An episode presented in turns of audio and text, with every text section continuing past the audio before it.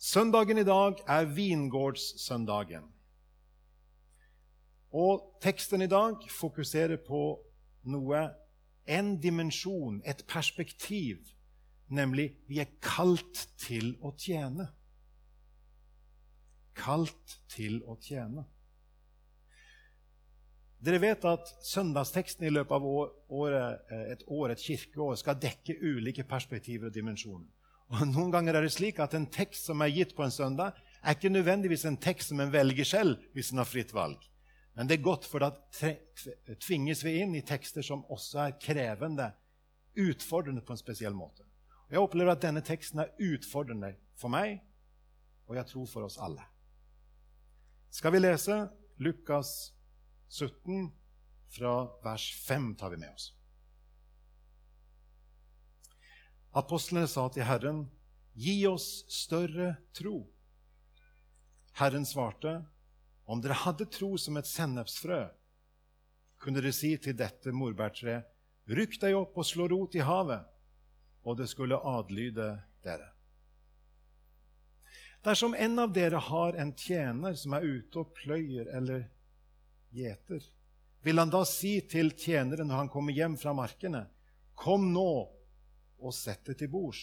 Nei, han vil si, lag til kveldsmaten, bind opp kjortelen og stå til tjeneste for meg mens jeg spiser og drikker. Etterpå kan du selv få deg mat. Takker han vel tjeneren for at han gjorde det han var pålagt? På samme måte med dere. Når dere har gjort alt som er pålagt dere, skal dere si, vi er unyttige tjenere og har bare gjort det vi skulle.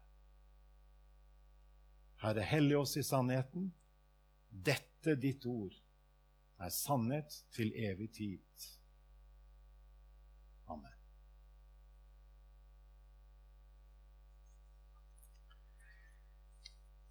Ja, denne teksten er utfordrende. Og Det er i hvert fall tre grunner til at denne teksten er særlig utfordrende for oss. tror jeg. Det første er at vi opplever arbeidsgiveren i teksten her som svært urimelig. Det er ikke nok altså med å jobbe hele dagen lang ute i hardt arbeid. Når du kommer hjem, skal du varte opp arbeidsgiveren også. Jeg kan bare tenke meg Hvis jeg som rektor prøvde å innføre det regimet hos oss, jeg tror ikke det ville vært særlig vellykket. Eh, det er ikke, ikke det første jeg ville tenkt på, tror jeg, å prøve på. Vi lever i et samfunn der det, der det er gjennomregulerte relasjoner. ikke sant? Arbeidsgiver-arbeidstaker. Her ser vi inn i en annen kultur, en annen setting, som krever litt ekstra ettertanke og refleksjon for at ikke vi skal lese for mye inn i teksten av våre kulturelle briller. Jeg tror teksten har fokus på én ting tjenerens holdning. Teksten har fokus på én ting tjenerens hånd. Det kommer vi tilbake til om en liten stund. Den andre grunnen Ikke bare oppfattes det som urimelig, arbeidsgiveren her, for å kalle han det, men dette med tjenere, eller egentlig slaver, som jo faktisk er snakk om.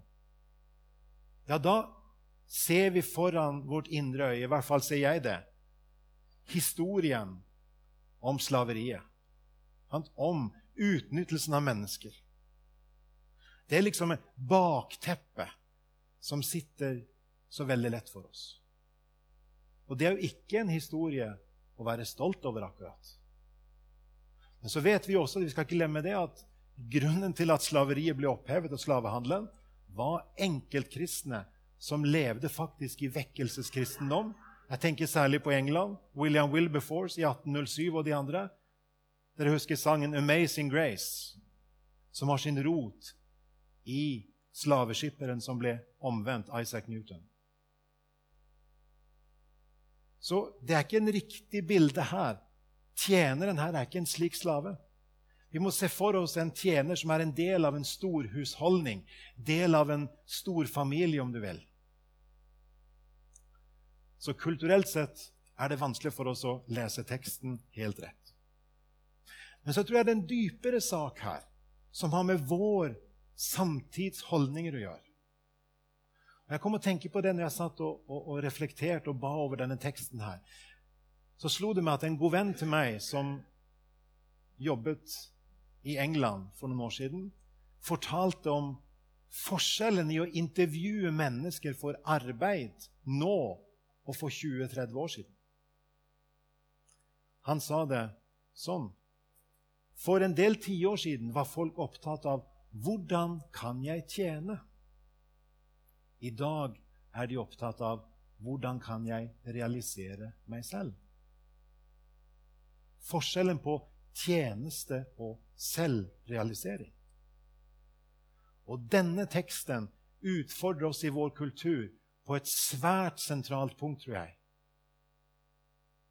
På dette med hvor villige er vi til å ta inn over oss Bibelens kall til å tjene? Når vi lever i en kultur av rettigheter og ikke plikter. Vi lever i en kultur av selvrealisering og ikke tjeneste.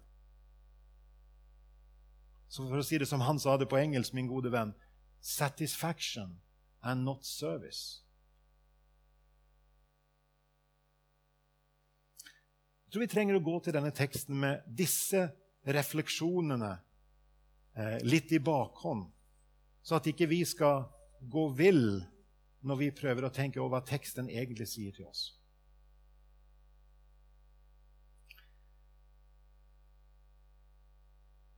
Tekstens budskap til oss i dag, til deg, til meg, er simpelthen, tror jeg Vi er kalt til å tjene Gud og vår neste. Vi er kalt til å tjene Gud og vår neste. Det gjelder både som menneske, som medmenneske, som samfunnsborger. Og det gjelder som medarbeider i Guds rike. Og Dagen i dag setter jo et særlig fokus på det siste, fordi det er vingårdssøndagen i dag. Og fordi teksten som vi hørte lest tidligere, trekker opp perspektivene. Hva vil det si å arbeide i Guds vingård? Jo, noen planter, noen vanner, og vi legger til bildet noen høster.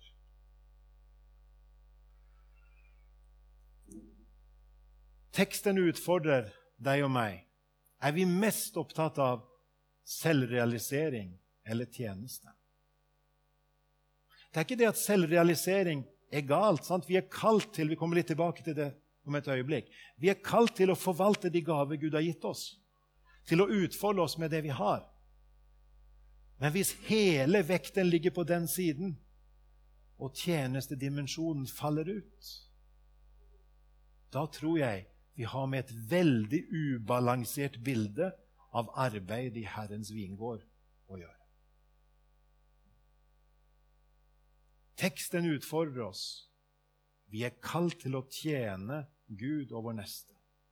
Trenger vi å, trenger vi å skyve balansepunktet litt i våre liv? Hvordan er det? Er vi mest opptatt av å tjene eller å realisere? Eller er det et sunt balansepunkt der. Teksten møtte meg med det budskapet. Jeg håper også det. teksten møter deg med den utfordringen. Egentlig begynte denne teksten fra vers 7, men jeg valgte å begynne med vers 5. Det er alltid lurt å se ting i sammenheng, er det ikke det?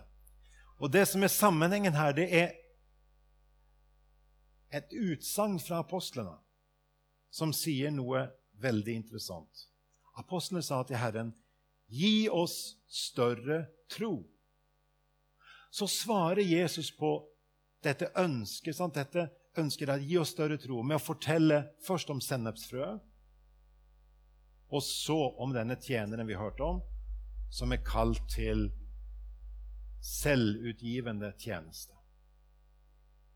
Altså, når vi spør Gud gi oss større tro, spør Jesus, så svarer han altså med å si Hvordan får vi større tro? Mer tro? Gjennom å tjene får vi mer tro. Det virker å være tekstens budskap. Jesu budskap. gjennom å utfolde oss i tjeneste for Gud og for vår neste, så åpnes perspektivet i møte med Gud. For tro er jo tillit til Gud, tillit til Jesus. Når vi kaster oss ut i tjeneste for Gud og andre mennesker, så får vi mer tro. Mange mennesker i dag, kanskje du, kanskje jeg også, tenker sånn Hadde jeg bare hatt mer tro? Kanskje er det at vi da ikke slipper oss ut løs i tjenesten. Som jo var Jesus' svar her. Gi oss mer tro. Ja, gjør dere også slik. Gå ut i tjenesten. Vil du og jeg ha mer tro? Ja, det får vi i tjenesten for Gud og vår neste.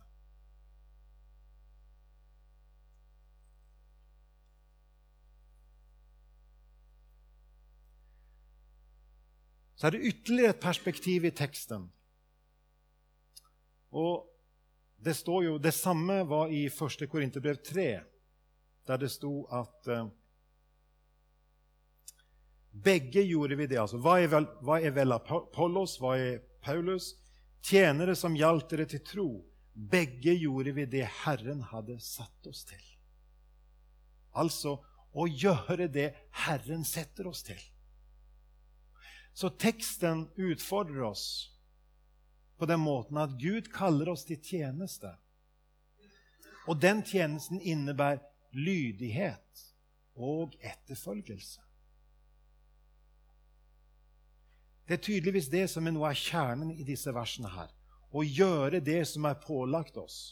Og fordi en gjør det, så beskrives en som uverdige, unyttige tjenere i teksten.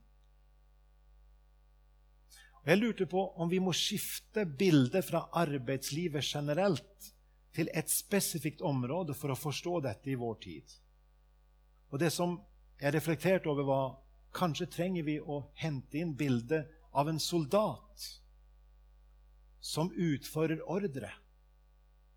Det er kanskje det nærmeste vi har i vår kultur i dag på det å gjøre sin plikt. En soldat blir ikke takka når han gjør sin plikt. Han er pålagt å gjøre det. Og Vi står vel alle i slike relasjoner der vi kjenner oss igjen i det, men det er ekstra tydelig i det bildet, kanskje. Så Jesus kaller oss til lydighet og etterfølgelse. Og dette, dere, er motkulturelt om noe. Det stritter imot, for vi vil være selvstendige. Det som en av og til kaller å være autonome. Sant? Å være, ikke ha en lov over seg, men få lov til å bestemme selv. Vet du om du har hørt historien om han på åtte eller ni år som, som eh, fortalte seg en gutt, ung gutt i New York som stirra inn i øynene på læreren sin og sa 'I am my own boss'. Det er liksom vår tid. Vi skal bestemme selv. Og så kalles vi her til lydighet og etterfølgelse. Og Kanskje trenger vi å reflektere sammen og være for oss over hva vil det si at Jesus er herre i våre liv. Hva vil det si at Jesus kaller oss til oppbrudd, til etterfølgelse, til å være som Han?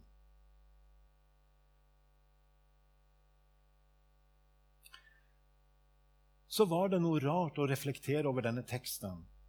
For plutselig var det en annen tekst som sto stadig sterkere for meg i Nytestamentet.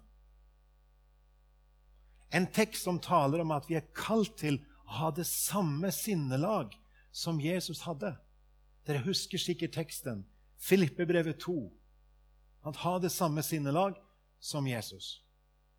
Og så kommer etterpå, fra vers 6 til 11-12, er det vel, en av disse eldste delene av Nytestamentet. En Kristus-salme eller hymne. Så begynte jeg å reflektere litt og tenke etter. Lukas, det vet vi, skrev dette og skrev apostelgjerningene.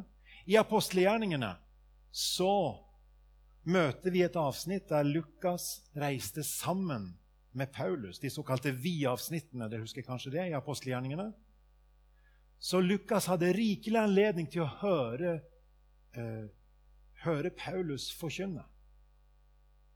Jeg er sikker på at Paulus dro frem Kristushymnen i Filippen-brevet 2 gang på gang. For det var en fast hymne, sikkert. En salme. Skal vi lese den sammen? For den tror jeg kan fortelle oss mye om akkurat denne teksten før vi runder av.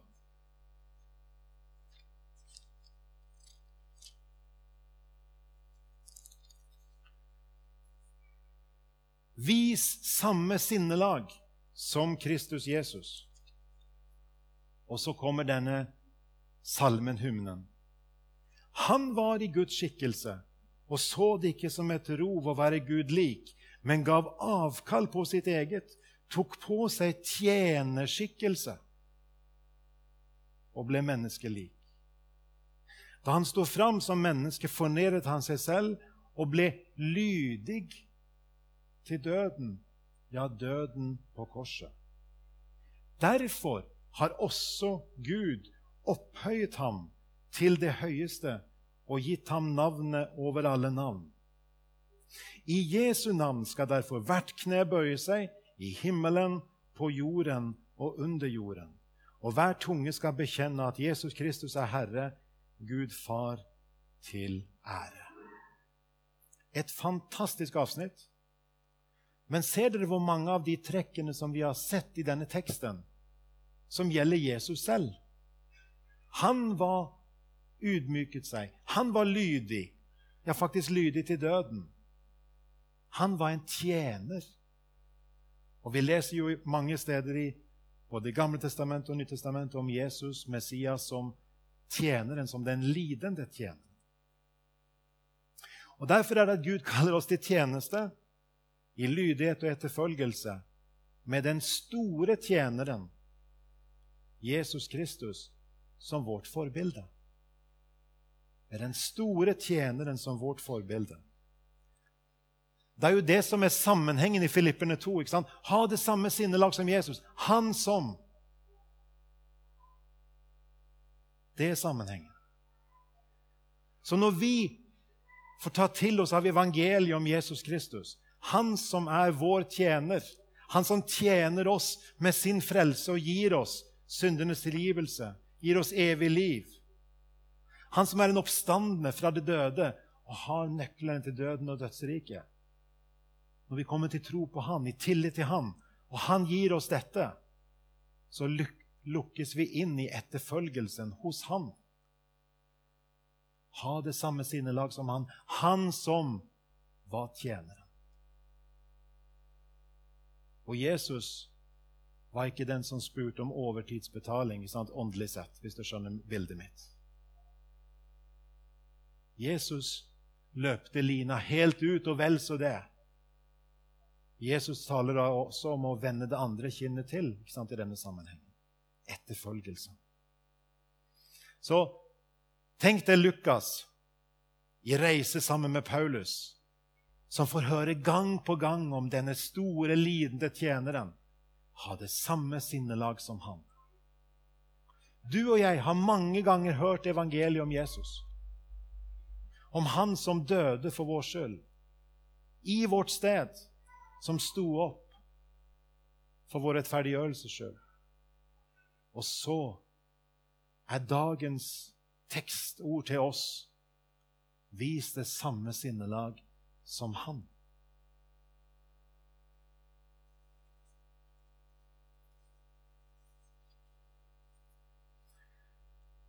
Mine tanker i dag tidlig gikk til en opplevelse i England i 1991. Da hadde Margunn og jeg privilegiet å få være på et kjent studiesenter. Labri, startet av Francis Schaefer i, i 1955 i Sveits, med ulike avleggere rundt om i verden. Svigersønnen til Francis Schaefer, Randall Macauley, hadde en bibeltimeserie om Filippe-brevet. Og så sa han det. Hvordan skal vi forestille oss det å være kristne? Jo, det er som et liv med to holdepunkter. Eller som en ellipse ikke sant, med to brennpunkt. To orienteringspunkt. Så brukte han eh, to klassiske uttrykk for det. Vi er skapt i Guds bilde. Imago dei. Det er lett å huske det. I. Imago dei. Vi er skapt i Guds bilde til å utfolde oss våre gaver og skapelsesgaver. Alt det Gud har gitt oss til å forvalte. Men vi er samtidig kalt til Jesu etterfølgelse. Imitatio Christi. Til å imitere Kristus. Og i det skjæringspunktet lever vi som kristne. Mellom å utfolde oss i det gave Gud har gitt, og å etterfølge Jesus. Midt imellom der er balansepunktet som kristen. Kanskje i våre sammenhenger har vi noen ganger vært så opptatt av etterfølgelse at vi har glippet på det første. Men teksten i dag er om det andre. Hvordan ser ditt syn ut på din tjeneste i Guds rike? Har du fanga inn begge de to forankringspunktene? Skapt i Guds bilde, imago dei. Etterfølgelsen av Jesus, imitatio Kristi. Det er Guds kall til oss i dag, til å leve med begge de to holdepunktene.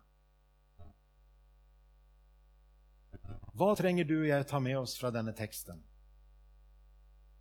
La oss bli stille i bønn et øyeblikk og reflektere over det.